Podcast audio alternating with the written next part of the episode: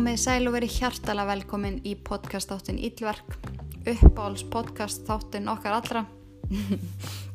Inga Kristjáns heiti ég og er með ykkur hérna vikulega og segja ykkur frá alls konar trúkræm málum sem mér er áhugaverð. Uh, ég vil byrja á því að byggjast afsökunar á því hvað þessi þáttur er að koma út sent, hann er að koma út næstum viku og sent það koma bara upp þannig aðstæður að ég náði ekki að taka upp náði ekki að vinna þáttinu svona en ég ætla að bæta ykkur það upp með því að gefa út hennan, gefa út annan strax eftir á og gefa út svo þriðja daginn eftir það. Þannig að það verður nóg fyrir ykkur að hlusta á og ég vona bara að þið fyrirgefa mér. Ég veit ekki er það, þið eru svo ægilega almennileg öll, öll samöl en málið í dag er ansi creepy vægt til orða tekið en ég tók þetta mál í hinu podcastinu sem að ég held svona út uh, sem hétt Ástís og Inga podcast show. En þar fekk ég stundum að pota inn svona alls konar trúkrem málum svona hinga á þangað. Og ég tók þetta mál og þetta, ég næ ekki að gleyma því því að þetta er svo ógeðslega creepy. Og ég baði ykkur um á Facebook síðu Íllverk að koma með hugmyndir af því sem ég geti talað um við ykkur og gákast að væri eitthvað svona sérsta sem að ykkur langar að hlusta á eða heyra og það voru all nokkri sem að báðu um draugasögu. Og þá fór ég strax að hugsa um þessa sögu. Og komið langaði mikið að leifa ykkur að heyra hana líka hérna. Það eru kannski ykkur sem að hlustu á Ástís og Inga podcastjá sem hafa heyrt þetta. En þetta eru miklu meiri dítilar ég kom meiri reynslu í að segja frá þannig að ég myndi bara hlusta á þetta áttur ef ekki þá kemur annar þáttur út eftir, eftir smá. En en ég er allan að fara að segja ykkur frá ógeðslega creepy draugasögu, slass, mördersögu um, og í aðal hlutverki fer drengurinn Daniel LePlant sem er 17 ára ógeð. Þannig að við skulum vind okkur í þátt dagsins og bara ef þið bara smá disklemmer, ef að þið eru einn ef að þið eru að skrýða upp í núna þið eru kannski einn og það er kannski allt dimt þá myndi ég kannski kveikja bara á náttljósinu eða eitthvað svo les þetta er alveg frekar skeri þannig að og eins og ég segi alltaf þá er er ítverk ekki við hæfi barna. Ég kem til með að tala um ógeðslega drauga, morð ofbeldi og kynferðsofbeldi og fleiri ítverk sem fólk hefur framið. Svo ef þú ert viðkvæmur og viðkvæm sál þá mæl ég með að slaka strax og hlusta á eitthvað annað sem að henda betur. En annars skellum okkur í máldagsins eh, geru svo vel. Brian Andrews horfiði á dætu sínar tvær Annie og Jessica og hann þurfti að hafa sér allan við við að halda kúlunu þá voru búin að það var búið að vera ótrúlega erfiðir tímar hjá fjölskytunni þá voru erfiðir tímar framöndan og hann spurði sér bara því hvernig óskopunum á ég að fara að þessu? Hvernig hvernig á ég að tala um rósufrængu við úlingstætu mínar, strákamál og fleira? Og þetta er allt eitthvað hlutir sem að þær voru vanar að tala um við mömmu sína. En guðmið góðu hvað hann saknaði hennar mikið. Það komst lítið sem ekkit annað hvað hann saknaði hennar ótrúlega mikið. En hann hafi mist koninu sína til margra ára í hendunar á krabbamenni sem að tók hana í burtu frá þeim á nokkurum mánuðum. Hún hefði barist ótrúlega heitjulega og ætla sér að, að hérna, segrast á þessu en meini hafi betur og náða yfir taka líka mann hennar. Þau hafðu einhvern veginn alltaf verið saman. Þau voru búin saman síðan þau voru krakkar. Áttu þarna heimili saman og tvær stelpur og þetta var bara konan sem hann ætlaði að verða gamal með. Hann ætlaði að ferast um heiminn með henni hann ætlaði að ala upp dætur þegar uh, dæturna þeirra tvær með henni og núna allt í hennu var hann einn. Hann einhvern veginn var ekki að ná þessu einhvern veginn. Hann, hann hristi hausinn, hann stóði upp og hugsaði með sér að hann er það að vera sterkur. Hann stelpunar hann stóla á hann. Nú væri ekki tími til þess að vera vælikjói en hann var svona svolítið að gamla skólanum. Það var svolítið bara svona ekkert væl, ekkert skæl haldi bara áfram og ekkert ekkert er að töða þannig að hann fóð bara í það að klára að pakka næsti dætra sinna og þau gengu öll þrjú saman út í bíl. Stelpuna voru að fara í skólan og hann þurfti að fara í vinnuna. Þetta var bara ótrúlega venjulegur virkur dagur. Þrátt fyrir það að mamma er að væri farin þá þurfti lífið að halda áfram og þannig er það bara, ég þekki það sjálf að það er skrítið að hugsa til þess að missa fóröldri en í dag, ef ég er að taka þetta upp eru akkurat fjögur ár síðan ég fylgdi pappa minnum síðasta daginn. Hans á þessari jörðu en jarðaförunast pappa var 15. júni 2014 2015 fyrir geði en hann er, ég veit hvernig það er. Þetta er, þetta er ógeðslega skrítin tilfinning en að hugsa til þess bara já manneskjan sem að var mér mikilvægast er farin og ég þarf að halda áfram með lífi það er ógeðslega skrítin tilfinning og ég veit að þeir sem að hafa upplifað þetta tengja en þarna hugsaði hann bara já ok, veist, við verðum bara að halda áfram og ég verð bara að gera mitt allra besta í að sinna stelpunum mínum. En þessi bílferð var ansið döll, það var mjög hljótt. Stelpunar hafði lítið sem ekkert að tala um. Síðan mamma er að dó, veist það hló ekki. En hann skildi þar alveg, hann, veist, hann var að upplifa það sama, það var einhvern veginn ekkert að hlæja yfir sorgin var ennþá bara svo ótrúlega ný Þann, þannig að þau voru öll bara svolítið að keira sig út yfir daginn og bara að trúa á það að sagan um að tíminn lækni sár sé sönn. En en hérna já. En þarna bara hveðar hann stelpunum sínar og gangi ykkur vel í dag og lætur þær vita að þær þurfa að taka stræt og heim því að uh, hann var í vinnunni fram á nótt þær brostu auðmut brosið til pappa síns og lokuðu bílhörðunum þær voru vanar því að taka stræt og heim. Jack Jack? Ok lol. Ég kalla Brian hérna í einni setningu Jack. Ég veit ekki okkur en hann heiti sérst Brian. En hann vann sérst sem flutningabilstóri og vann náttúrulega mikið svona setnipart uh, dagsins og á nóttunni þar sem að hann var að keira bara svona landsluta á milli með alls konar drasl og stelpunna voru því vanar að vera, veist, allan að fara einar heim úr skólanum. En þetta var náttúrulega ekkit vandamál áður því að höfðu mömmu sína sem að, sem að sóti þær ef hann gataði ekki hjálpaði þeim að læra, greitið þeim hárið og var einhvern veginn alltaf til staða fyrir þær. Þannig að þær voru í rauninni aldrei einar þótt að pappið þeirra þurfti að vinna útrúlega mikið en þær voru vanar í að hann væri alltaf að vinna. En núna voru tímanir einhvern veginn þannig að þau voru öll í sikkuru læginu að reyna að vinna í sínum málum og vinna í sorginni Brian huggaði sig við það að stelpunar höfðu allavega hvort aðra. Þær gáttu vonandi reitt sig á hvort aðra og, og talað og, og hérna. Og vonandi svo hann líka með tímanum að þær getu sé það að hann elskaði þær alveg mikið og mamma þeirra gerði. En lífi gekk bara sinn vana gang. Það var skóli og það var vinna og kvöldmatur og spjöllin við mataborði voru, voru svona með tímanum að verða fleiri og hládrasköllin urðu fleiri og Brian trúði því að mögulega gæti hann díla við þetta og stelpunarnas líka. En eitt kvöldið þegar þau sátu við eldursporðið, Anni var að lesa, Jessica var að klára síðustu dæmin í reiknisheftinu sínu og Jack satt með þeim og fekk sér kaffebotla.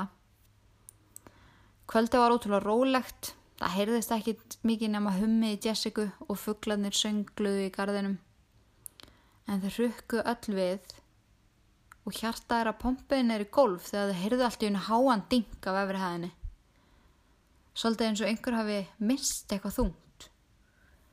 Stelpuna frusu en pappin vildi auðvitað að venda ungarni sín og saði þeim að býða og hann skildi aðtöða hvað það hefði verið. Brian gekk rólu upp stegan og kveikti öll ljós á leðinu upp. Hann leiti inn í herbyggi stelpnana. Það var ekkert aðtöðavert. Hann leiti inn í herbyggi sitt sem að hann hafði einu sinni dilt með konunni sinni. Hann þekkti herbyggið í bak og fyrir svo hann vissi að það var ekkert á meðst þar. Uh, já, þessi þungi dingur hlaut að vera eitthvað svona brak í parkettinu eða dingur í lögnunum eða eitthvað svolítið. Þannig að Brian fóð bara aftur niður, saði stelpunni sínum að þetta hefði ekki verið neitt, bara eitthvað hljóð í húsinu. Og þau önduðu öll miklu léttar og heldu hvert inn í sitt herbyggi að kvíla sig. Morgunin eftir gaf ja, hérna Brian akkur segja alltaf Jack, það er ógeðslega fyndið. En morgun eftir gaf Brian stelpunum ekstra langt knús því að í dag verður hann að leggja að stað í vinnuferð sem að tækjans líklegast fjóra daga og stelpunar eru að redda sér sjálfur næstu daga þetta var í fyrsta sinn síðan að mamma þeirra fór að þær þurfti að vera eh, einar heima svona lengi en næstu daga þá fótt Jessica að taka þátt Nei, taka eftir því að Anni var einhvern veginn alltaf brosand út í annað. Uh, fjarlæg og svona svolítið vandraleg ásand því að hún eitti ótrúlega miklum tíma í símanum áður hún fór að sofa.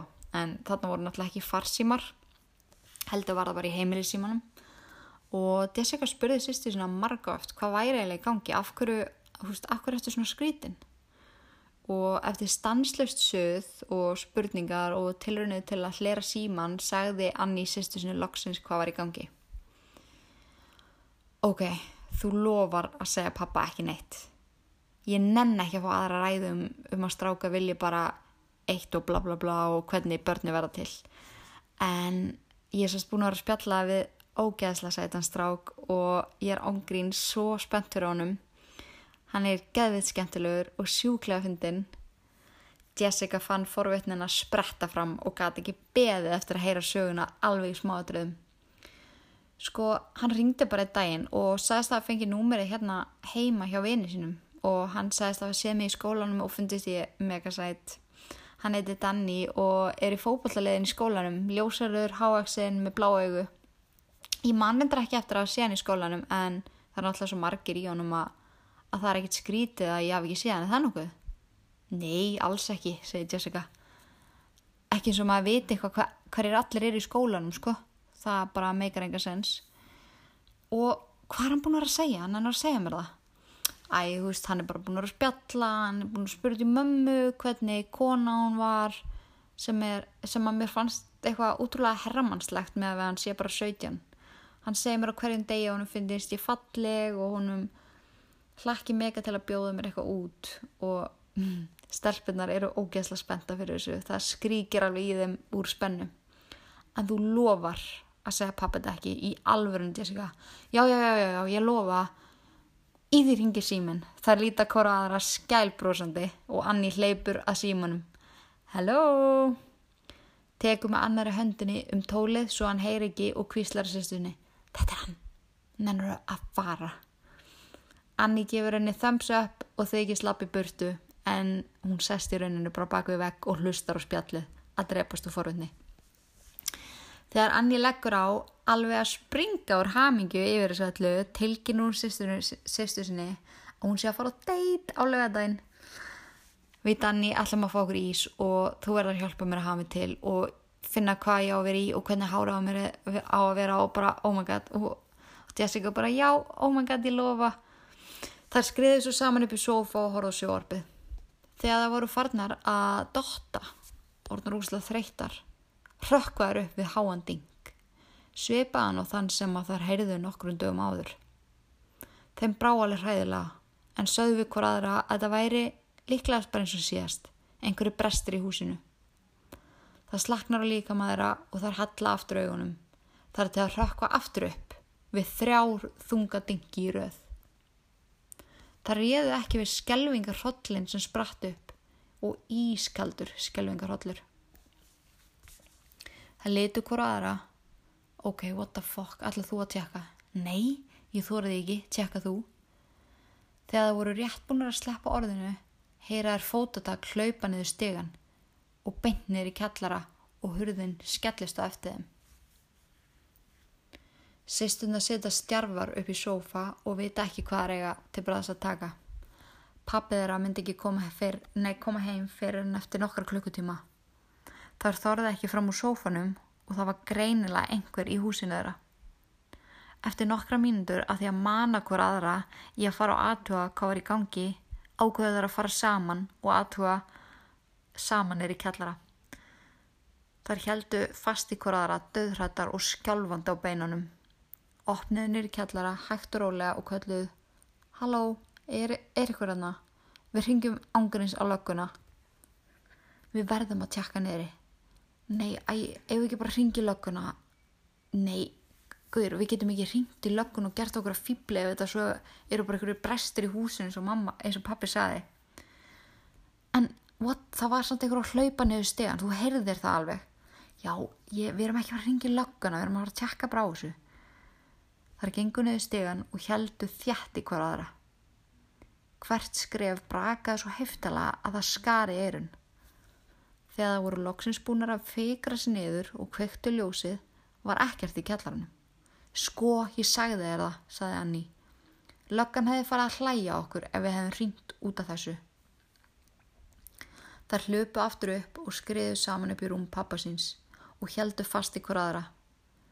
Þegar það voru loksins byrjar að róast niður var banka þjættingsfast þrísvarsinum á veggin við hliðinaðum. Þar hlöpu aftur niður stofu og settust í sófan og kvektu hverja einustu ljósa skemu í húsinu. Þá sátu þarna og störðu út í loftið. Þar voru stjarfar úr hræðslu og gátt ekki hugsa sér að fara að sofa fyrir pappið þær að kema heim. Þegar klukkan var að ganga fjögur um nóttina heyra þær, heyra þær að útidara er opnið með likli og Brian gengur inn. Þar stökkva í fangi á pappið sínum og hann undra sig á því akkur að þeir eru ennþá vakandi. Pappi í alvörinu það er draugur í þessu húsi, það er eitthvað. Hérna. Við heyrðum þrjá ógísla háa dingi eins og við heyrðum um daginn og svo heyrðum við eitthvað hlaupa niður stegan niður í kjallara og svo bankaði eitthvað fast á vekkin inn í herbyggi og við heyrðum það alveg upp eira okkur, það er eitthvað skrítið þetta pappi í alvegni Nei, stelpur, láti ekki svona, það er ekki til draugar og hvað þó draugar sem banka í vekki ég skal lofa ykkur því að þetta hefur alltaf eitthvað eðlilega skýringu þetta tengist eitthvað lögnunum með að hýta breytingum í loftinu eða eitthvað svo leiðis er bara að fara svona með viðin í húsinu. Ekki vera með þetta bull. Þið með sofu uppi á mér svo þið náðu einhverjum svefni fyrir skólan á morgun. Brian laðist í miðuna og tók stelpuna sínar undir sikkund handlegin þeim leið örugt í fangi pappa síns og söpnuðu öll stöttu síðar. Við skulum henda okkur í löglettar auðlýsingar áður við höldum áfram með hvað gerist næst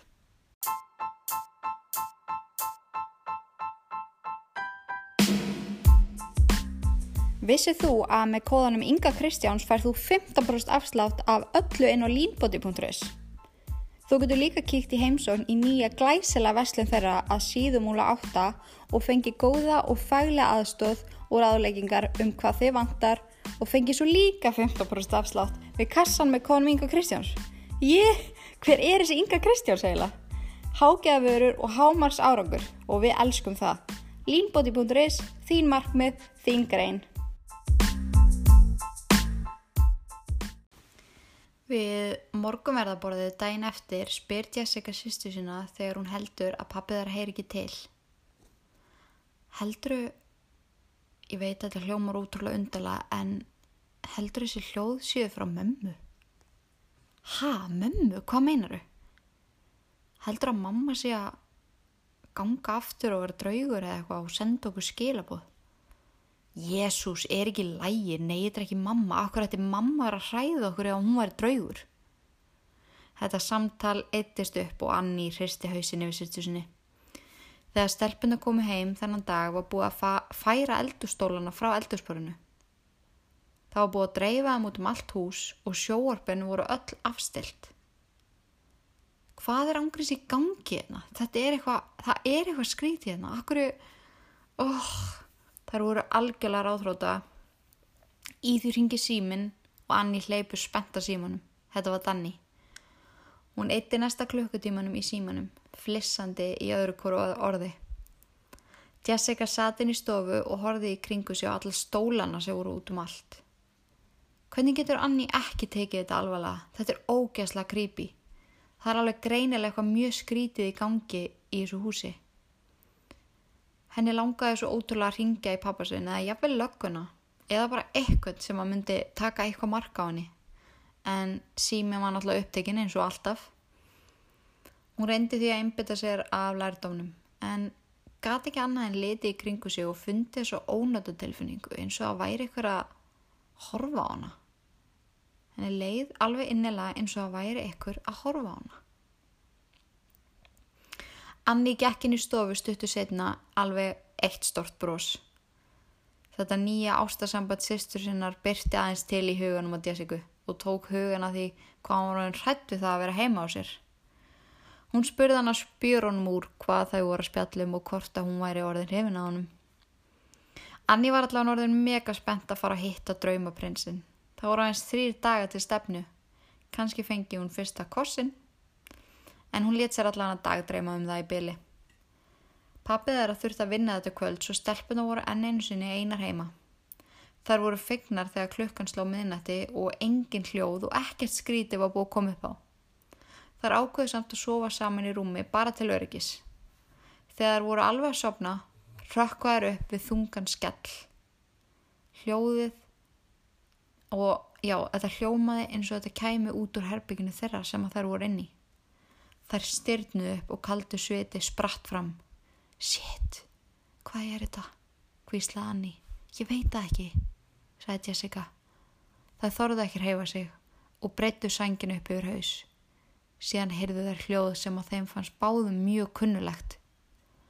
Hljóði sem þær heyrðu alla morgna þegar mamma þeirra fór að undaðum niður í eldús á morgnana. Létt og vinar hljóðið í inniskónum hennar. Það var ekkur að ganga niður stegan í inniskóm. Þær þekktu þetta hljóð og þetta var ekki ímyndun. Ég sagði þér það, Jessica. Mamma er að reyna að senda okkur skilabóð. Hættu þessu bylli í alveg undir ógíslega heimskulega tjöður. Mamma myndi aldrei vera svona draugur. Veist, nennur bara hætt að segja þetta. Þar voru hálpartinn farnar að rýfast þegar að heyrðu háan dingnir í kjallara eins og einhver hafi skellt hörðinni af öllu afli. Þær stöylast fram úr og líta fram á gang.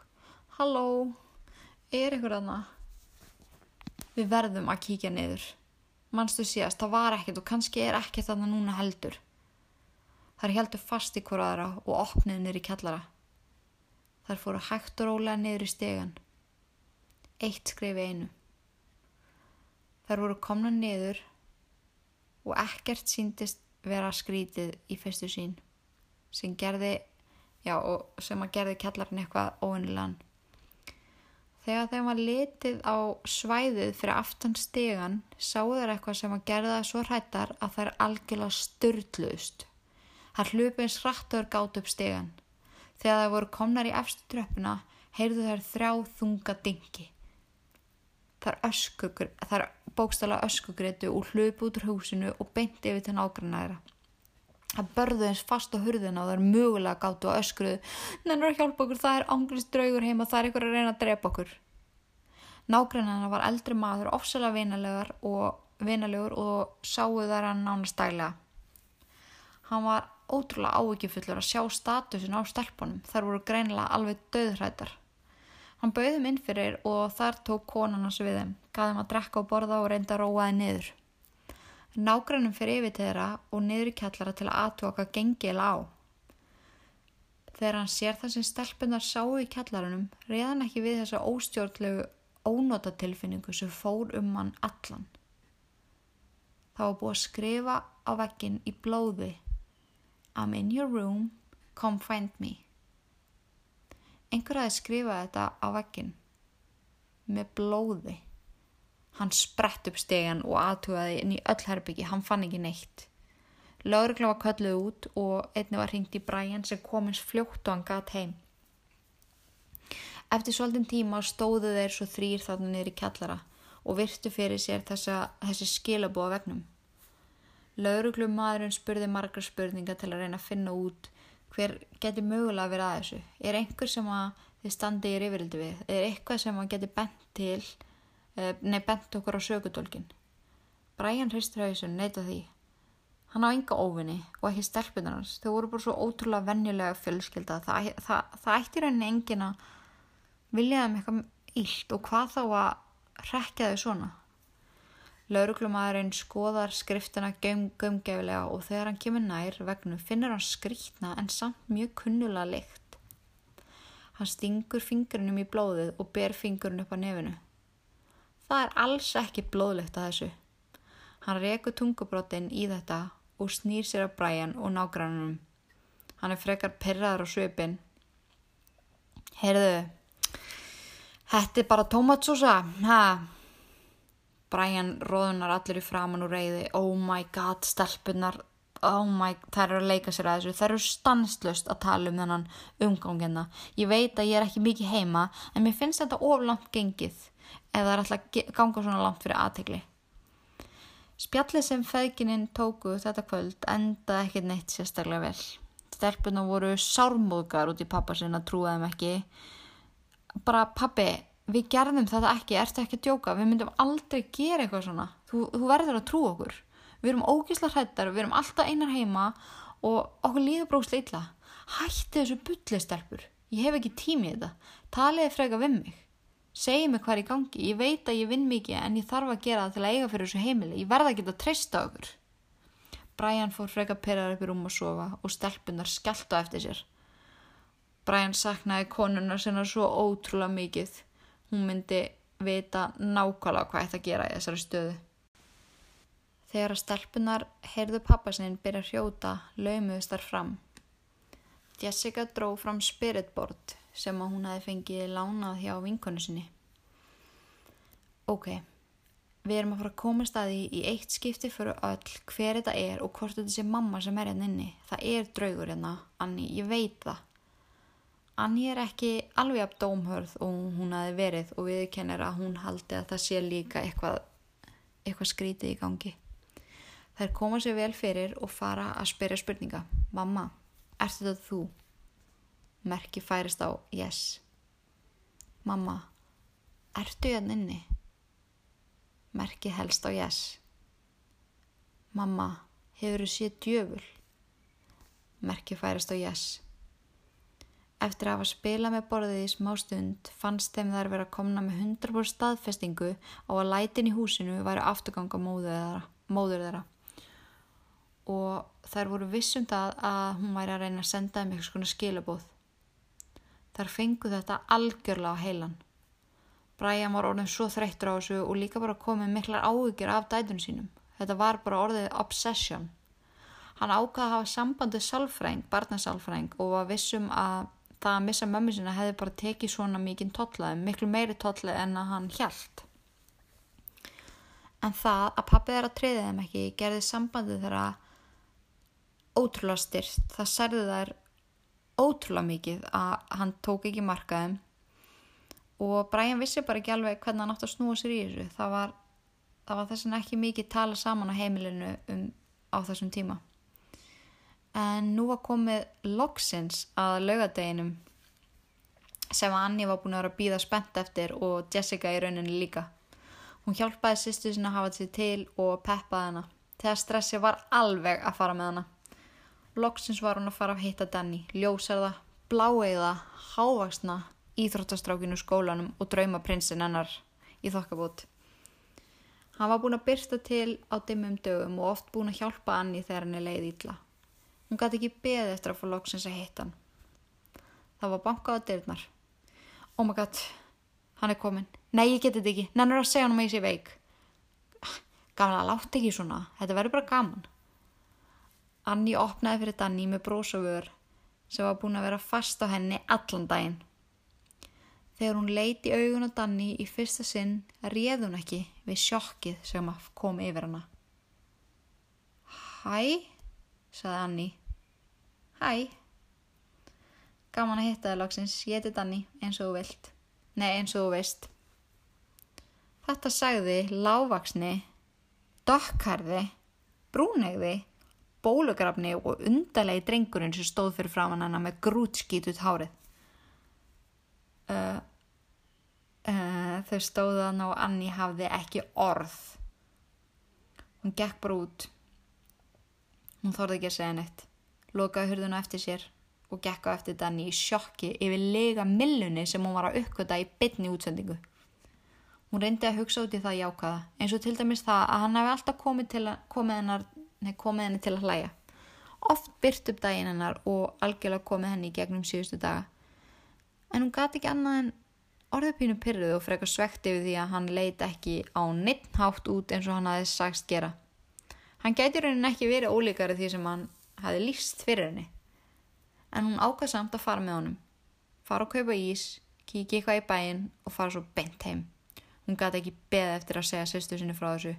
Degja á hlátra yfir þessu en samt líka garga úr pyrring og mögulega gráta smá. Yfir því að framtíðar eiginmaðurinn hennar og drauma prinsinn hennar og allt sem hann hafði ímyndað sér var bara líin uppmáluð. Danni og Anni spjalluðum daginn og veginn.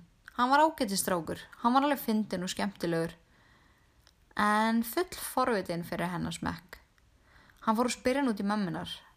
Hann vissi að hún hefði dáið krabba minni. Anni hefði sagt honum frá þessu öllu og, og hvernig henni, og hvernig henni væri búin að líða. Hann fór að spyrja hana hvort hún hafi hagað sér öðruvísi þegar hún var veik og hvort hún hafi talað um hvernig það væri, væri að vera með krabba minn. Eitthvað sem Anni hafi ekki svar við og líka eitthvað sem henni langaði bara ekki að spá í. Eftir að hafa spurt hana spjör honum úr stoppaði hann og snýri sér að henni. Uh, komstu við mömmuðina eftir hún dó? Anni horfið á hann algjörlega orðlaus. Um, Heyrðu, ég held ég þurfa að fara. Nei, nei, nei, ekki fara fyrir að ég, ég skal ekki spyrja meira. Jú, veistu, ég þarf að fara. Nennur þú líka ekki að ringi mig aftur. Þetta var ógeðslega skrítið sem varst að spyrja með. Hún hendi í snumi ruslið og gekki í burtu frá hún. Hún hljópi upp í herbyggi sitt og skellti á eftir sér. Hendi sér á magan og rúmið og var bara alls ekkit vissu um hvort hún ætti að gráta að hlæja. Jessica kom til hennar og var auðvitað kapna úr forvitni og vildi fá að vita allt sem gekk á. Jessica var í söpuðu sjokki eftir hún heyrði hvað hafi komið upp á deytinu. Það náði ekki að ræða þetta lengi því að dingarnir fóru á fullt allt í einu.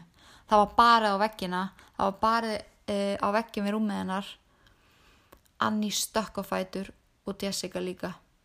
Það hlaupa fram. Þeim brá svo mikið við þetta allt saman. Höggin voru þingri og þingri og stóði yfir í nokkar mínútur í senn.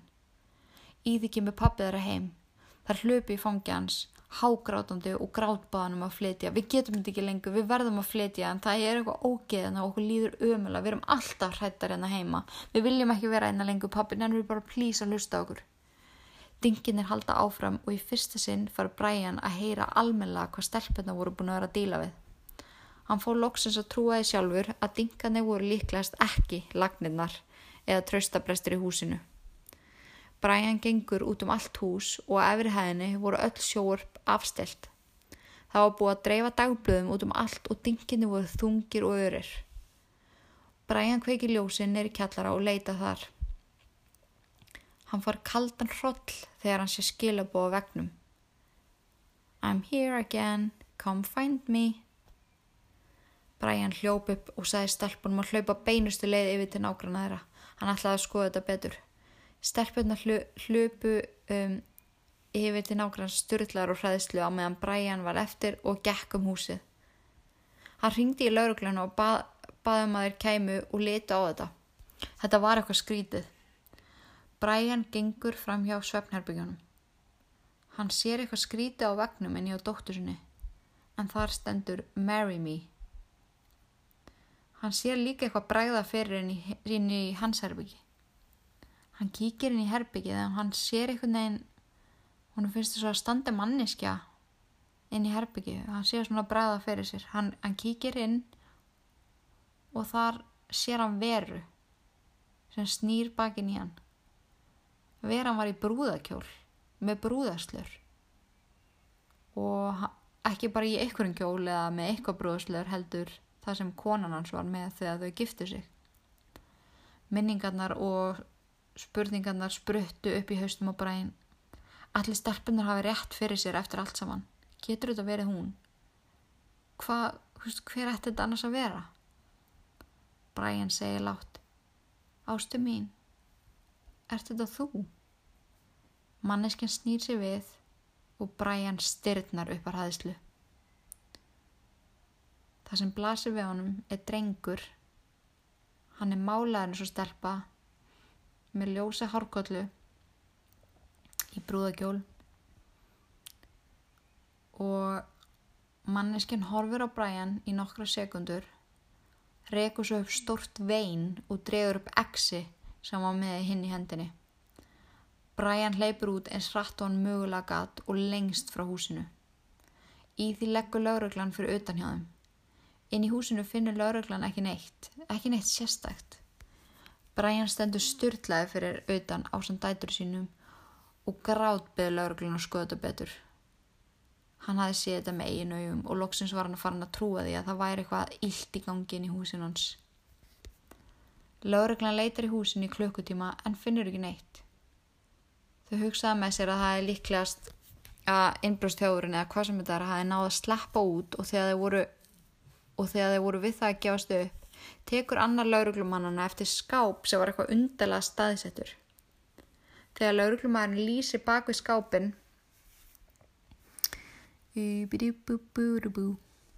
ég leitt óvart. Í eina sekund undan og ég er algjörlega búin að týna hverju var. En já, þegar að lauruglumannarinn lýsi bak við skápin tekur hann eftir opi. Hann íti skapnum frá og sér litla hurð Það leggur ógeðisleg stækja út um hurðina og hann kallar á hinn lauruglumannin. Þegar þeir opna hurðina kemur í ljós fullt af drastli, fullt af hlutum og fullt af einhverjum viðbjóð á samt strák satan í nögri í brúðakjól með hárkvöldu og slör. Lauruglumenni voru orðlausir í smástund en náðu svo loksins að æla upp úr sér spurningunum hva, hvað ert að gera hérna, hver ertu? Strákurinn sagði ekki neitt. Þeir handjáðna hann og leita hann út í bíl. Stelpunda sjá strákin, eða þegar stelpunda sjá strákin fóðar óþægilegan hroll, svipa hann og þeim leið alltaf inn hjá sér. Þegar strákurinn gengur nær, rekur Anni upp stór augu. Guð minn góður, Danni? What? Strákurinn sem hún hafi verið að spjalla við síman í marga mánuði, sá sem lauga henni, sá sem fór með henn á deitt, var að koma út úr fokking húsin hennar í handjárnum. Hann var ekki bara í handjárnum, heldur var hann líka í brúðar átfitti mömmennar sem var dáin. Þegar þetta var skoða betur kom í ljós að Danja var búin að búa inn í vekkjum fjölskyldunar í marga mánuði. Það var svona crawl space inn í vekkjónum þar sem hann hafi verið, hann hafi stólið fullt á dóti, hann hafi gengið um húsin uh, þegar þau voru ekki heima, búið til draugagang, tekið hluti, hreift við þeim og var bara statt og stöðut að hræ, hræða þau vísvitandi. Þegar hann fór á deit með Anni, gekk hann nánast uh, samferða henni heim eftir að hún fór heim. Hann gekk á eftir henni svo hún fattaði ekki að hann væri eldana Uh, hann fór svo inn til hennar uh, þegar hún var komin inn. Þannig að deiti sögur á. Hún held að hún var að fara frá hannum en í rauninni eldan hanna og fór svo bara inn í húsi hennar og inn í þetta litla óp hann lagði sig í rúmunum þeirra þegar þau voru í vinnunni. Hann átt matið þeirra, hann fór í styrtu og hann var bara þannig í marga mánuði. Hann let bara eins og heima á sér og þegar þau voru heima reyndan að hræða þau. Fjölskytta var skiljanlega mjög traumatized eftir þetta þá aðalega Anni og þegar þau fóru að skoða bælið sem hann hafi búið sér til um, inn í veggjónu þá gótiðu ekki annað en fylgst viðbjöði en það kom í ljósa að Danni hafi hérna, geta hort á stelpunar e, út um lítil gött í nánast öllum herbyggjónum og hann hafiði hann var bara með á heilanum dauða mömmu þeirra og hann var með Anni á heilanum og hún langaði að giftast henni þú veist það kom allt í, í hérna ljóð setna mér en þetta er ótrúlega undarleg hegðun. Þetta er ekki er ekki til mikið af svona sögum og ég vil taka það fram að þetta er sannsögulegt. Þetta gerðist í alverðinni og þetta er alls ekki algengt. En honum er oft einmitt líkt við um, Ed Gein og, og svo leiðis að vilja veist, hræða fólku vísvitandi. Þetta var bara basically það. En förum í örstuttar auðlýsingar og svo ætlum ég að segja ykkur aðeins betur frá Danni þannig að þið skiljið hann kannski betur. Þið veitir náttúrulega ekkert um hann akkurat núna nema bara það að það var að vera handtakan fyrir að búin í vegganum hjá fólki. Þannig að heyrum smá sponsored eitthvað og komum svo tilbaka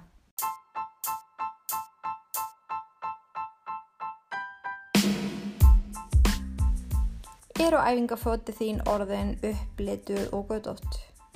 Ertu ekki að meika hvað æfingaböksunna þín að rúla alltaf neður þegar þú ert á æfingu? Eða ertu jáfnvel í 15 ára gamlum kvennalöpsból frá mömmuðinni? Mm, þetta eru vandamál sem á kippa í lið 1, 2 og bingo. Farðin á brandsson.is skoða úrvalið að bæði herra og dömu æfingaklæðinaði. Hlustendur Íllverk fá 15% afslátt á öllu inn á brandsum.is. Noti kóðan Íllverk við checkout og fái 15% afslátt. Ég endur tek I-L-L-V-E-R-K við checkout fyrir 15% afslátt. brandsum.is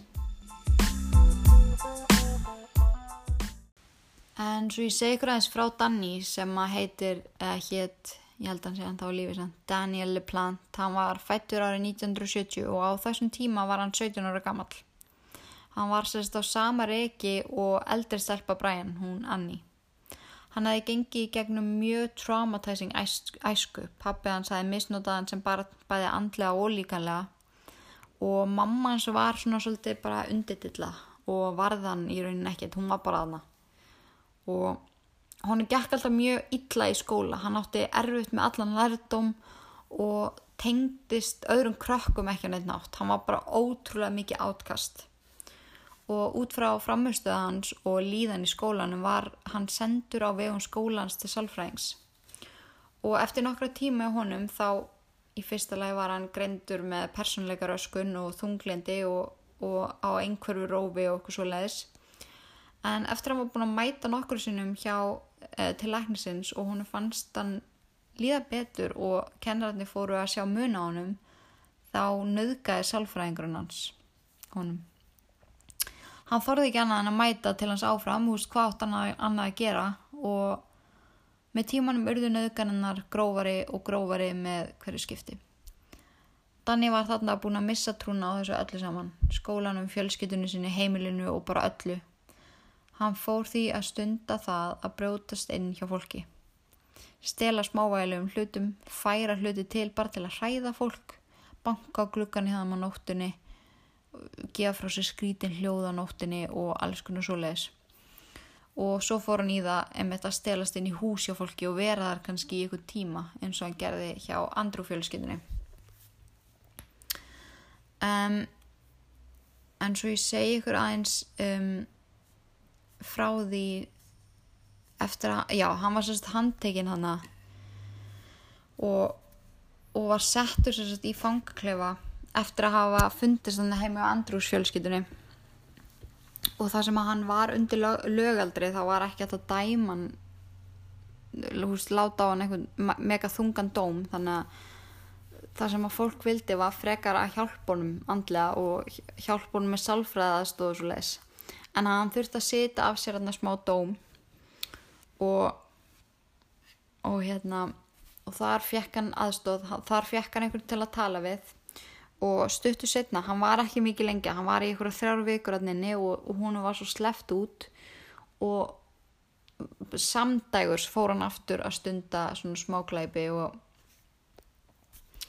og þetta var bara greinlega eitthvað sem að hann reyði ekki við.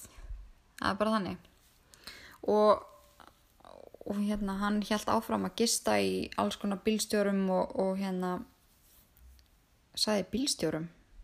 Ég manna ekki, ég allavega myndi bílskúrum. En þetta var bara eitthvað líf sem hann var búin að vennjast veist, hann, hann, hún fannst hann ekki eiga neitt að. Hann treyst ekki neinum.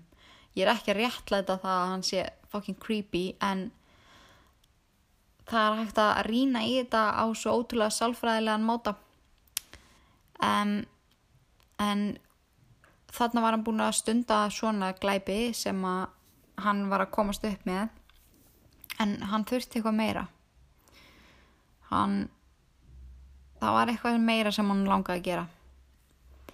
En árið 1987 1. desember þá braust hann inn til fjölskyldu sem hétti Gustafsson. Wow er að djóka hvað ég náði að segja þetta ótrúlega sænst? The Gustafsons allavega. En hann braust inn til þeirra. Og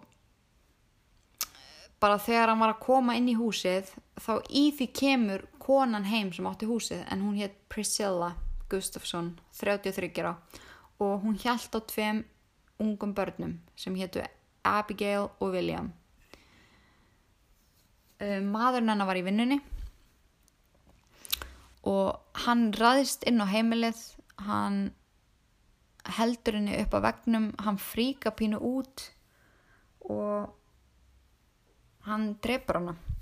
Hann fer með hann inn í herbyggi hann nöðgar henni. Hann lemur henni til dauða. Hann setur púðan ón á hausin á henni og nöðgar henni og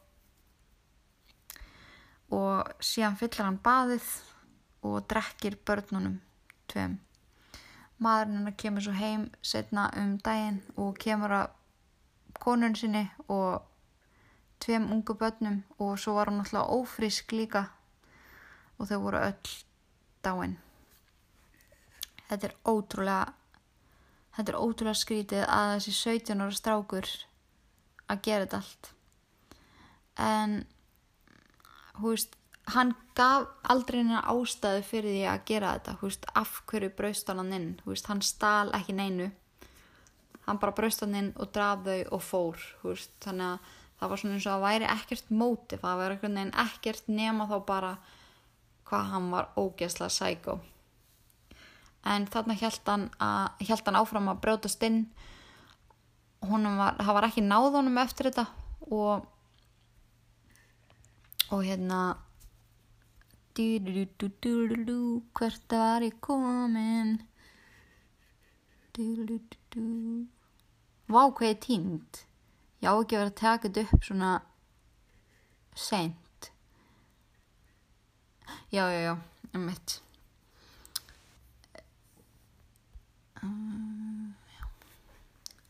en þarna eftir að hann gerði þetta þá fór hann bara og flakkaði um bæin og var bara gistandi hér og þar og var bara að reyna að koma sér undan lauruglinni og hann braustundi konu og stál bilnumennar hann ná, konan náði að sleppa undan honum en hann veist, hann ætlaði að reyna að drepa drepa, eða drepa konuna en hann náði þarna í 48 klukkutíma að fela sig frá löggunni en spáði þessum tíði uh, bara smá útudur en spáði í því hvað stelpan var heppin þetta kvöld, hún hérna Annie Andrews að því að veist, hann var greinlega alveg að fara í það að drepa. Og veist, að það er ótrúlegt að hún er sloppið að veist, hann var búin að fylgjast með henni hann var búin að alltaf hann að drepa þau þetta kvöld með auksinni þetta er alveg magna og þau eru það er ekkert að sjá myndir að það með neitt þannig. Þau eru alveg anonymous en þetta var svo fokkin magna en en þarna var hann já hann að 48 klukkutímum eftir þetta gerðist. Þá sem þetta var eitthvað sem sá hann kannaðist við hann og benti laurugláðan og hann var tekinn inn og, og hérna ég ætla að leiða ykkur að heyra smá klippu úr réttasalunum eftir að hann var hérna handtekinn þetta er ekki mjög laung klippa en þetta er magnað þú veist og það er líka ekki þannig sem mikið til um þetta á netinu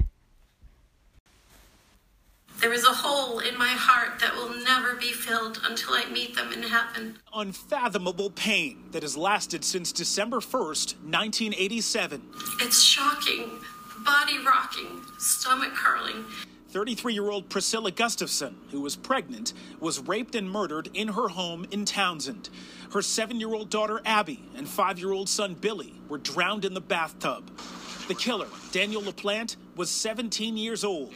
He was sentenced to three consecutive terms of life in prison. But a recent Supreme Court ruling means he must now be resentenced since he was a juvenile at the time of the crime. But I am truly sorry for the harm that I caused. Today, LaPlante stood and faced the judge, not the victim's family, as he stated his sorrow. But the family isn't buying it. Priscilla Gustafson's husband, Andy, remarried in the years after the murders. He passed away several years ago. But today, his second wife spoke on his behalf.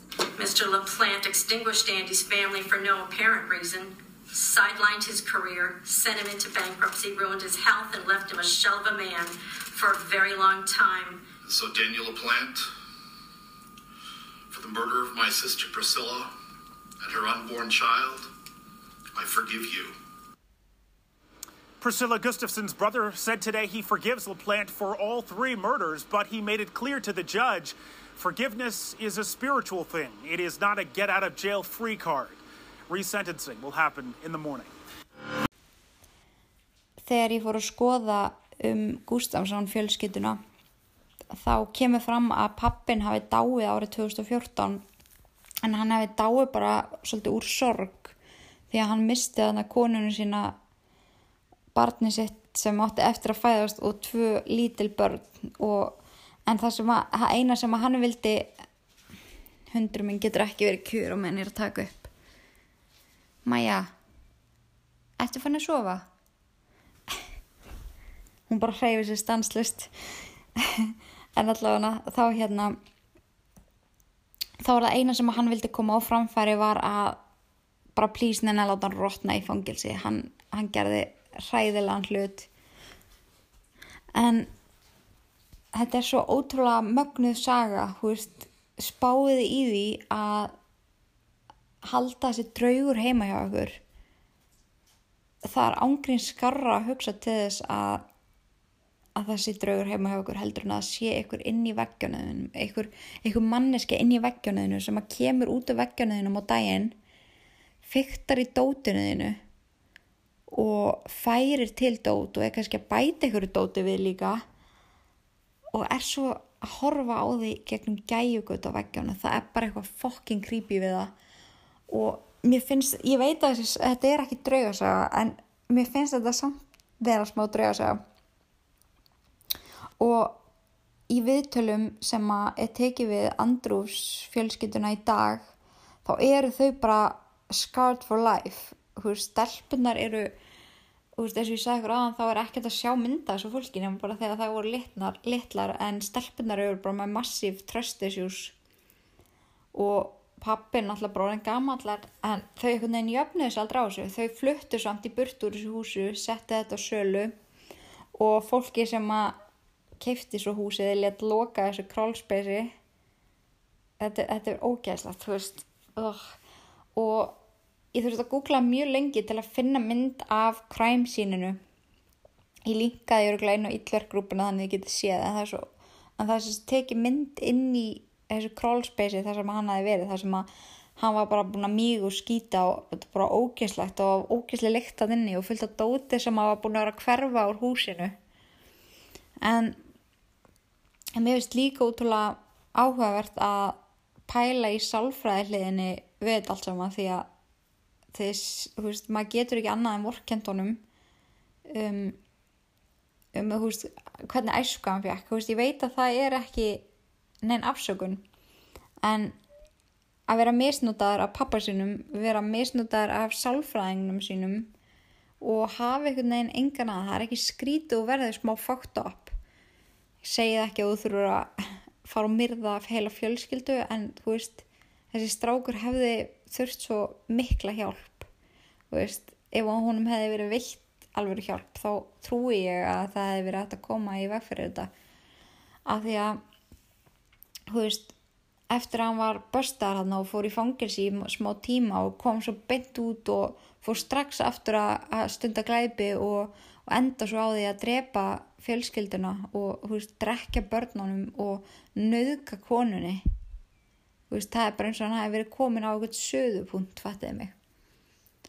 En þetta er mér finnst þetta mjög áhugavert að spá þessu. Það er náttúrulega bara eitthvað mikið að hjá þessu manni alveg heftala en hann er enn í dag í fangilsi hann held ég mun ekki fara úr fangilsi fyrir hann er hann mun alltaf hann að fá kannski sjans að það komast úr fangilsi þegar hann er bara 90 ára eða eitthvað svo les en hann var hann að 17 ára árið 1970 en þetta var sagan af Daniel LePlante. Ég varð bara að fá að segja ykkur hana. E, á morgun kemur svo út. Ég veit að ég segist alltaf að gera það í dag. Um, þá ætla ég að gefa út betrum bættan John Benet Ramsey þátt. En ég bara innfalla náði ekki þannig að hann kemur út á morgun og svo fáið þið annan þátt daginn eftir það þannig að þið fáið þrjá er mjög ört. Þannig að ég vona að ég ná að bæta þetta upp uh, fyrir ykkur með því. En annars ætla ég alls ekki að leggja það í vana minn að slappa út þáttum Maja nú viljum koma upp í. En ég reyna að sjálfsögja að gefa þetta vikulega en, en svo gengur að gerist í þessu lífa og getur alltaf eitthvað komið upp á. En annars langar mig líka bara veist, ég veit að ég alltaf segja þetta og ég er ógisla væmin og þeir eru orðin bara ok, enga, við erum búin að ná því. En ég er bara svo sjúkla þakklátt fyrir ykkur. Það er svo bara geggja lojal hlustendur og mér er svolítið áhugavert að ég var að skoða svona prósentu á kyn, þú veist, hvort hlusta meira á konum og köllum. Það eru fleiri kallar sem hlusta íllverk en það eru næstu sko 60% kallar sem hlusta. 60 eða 70 og þetta er í fyrsta sinn sem að ég bý til eitthvað efni eitthvað svona uh, já, efni sem að höfðar meira til kalla heldur en hvenna þú veist, á Instagraminu mínu var alltaf bara 1% kallmenn Snapchatinu veist, 0% kallmenn eða eitthvað svo leis og þú veist, efast um að séu mikið að gaurum að lesa bloggi mín á krom.is en en það eru fleiri gaurar sem að hlusta á ítlverk sem að mér stæði drulli skemmtilegt gaman að ná til ykkar líka en, en hérna bara já, ég vil bara þakka ykkur svo innilega fyrir. Þið bara eru svo ógeðslega góðu mig og eru alltaf að gefa mér geggar hugmyndir sem að ég tek alltaf til greina. Og ég er búin að skrifa niður allt hjá mér sem að þið eru að benda mér á og líka ég mitt bara gaggrinni þú veist, mér er líka geggja að fá gaggrinni og, og þeir eru með duglega að segja mér að það er eitthvað sem ég get breytt og bætt. Þá reynir ég að sjálfsögða að vinna í því. Og þetta er bara ógæslega spennandi það fyrir að líða 20. þætti sem ég er búin að ákveða að hafa að djöfusins veistlu það verður, ég er að segja ykkur það því ég verði ána með 20. þátt um, þetta verður rauninni 21. þáttur að því ég er að gefa út núna svona 2-in-1 þátt einn endur bættan hérna John Benet Ramsey þátt þannig að okkur 2001. þáttur verður geggar þá eigum við Íllverk Fem Amelie það er alveg svolítið þannig en ég geti spjallað við ykkur í allt kvöld að því að mér finnst þið svo geggjuð. Þeir eru geggjaða týpur. Bara love you guys. Tjók, það húst ekki tjók. Þeir eru geggjuð. En ég held ég segi þetta gott. Um, ég heyri ykkur betur í næsta þetta John Benet Ramsey sem er eitt áhugaversta mál bara sem ég hef nokkuð tíman heyrt. En ég vonaði að hafi haft gegn og gaman og vonandi orðið pínu, pínu hrætt jáfnvel eftir að hafa hlusta á þannig þátt en þangar til næst þá ætlum ég að byggja ykkur um að forðast öll ílverk nema sjálfsög þetta podcast. Verðið sæl!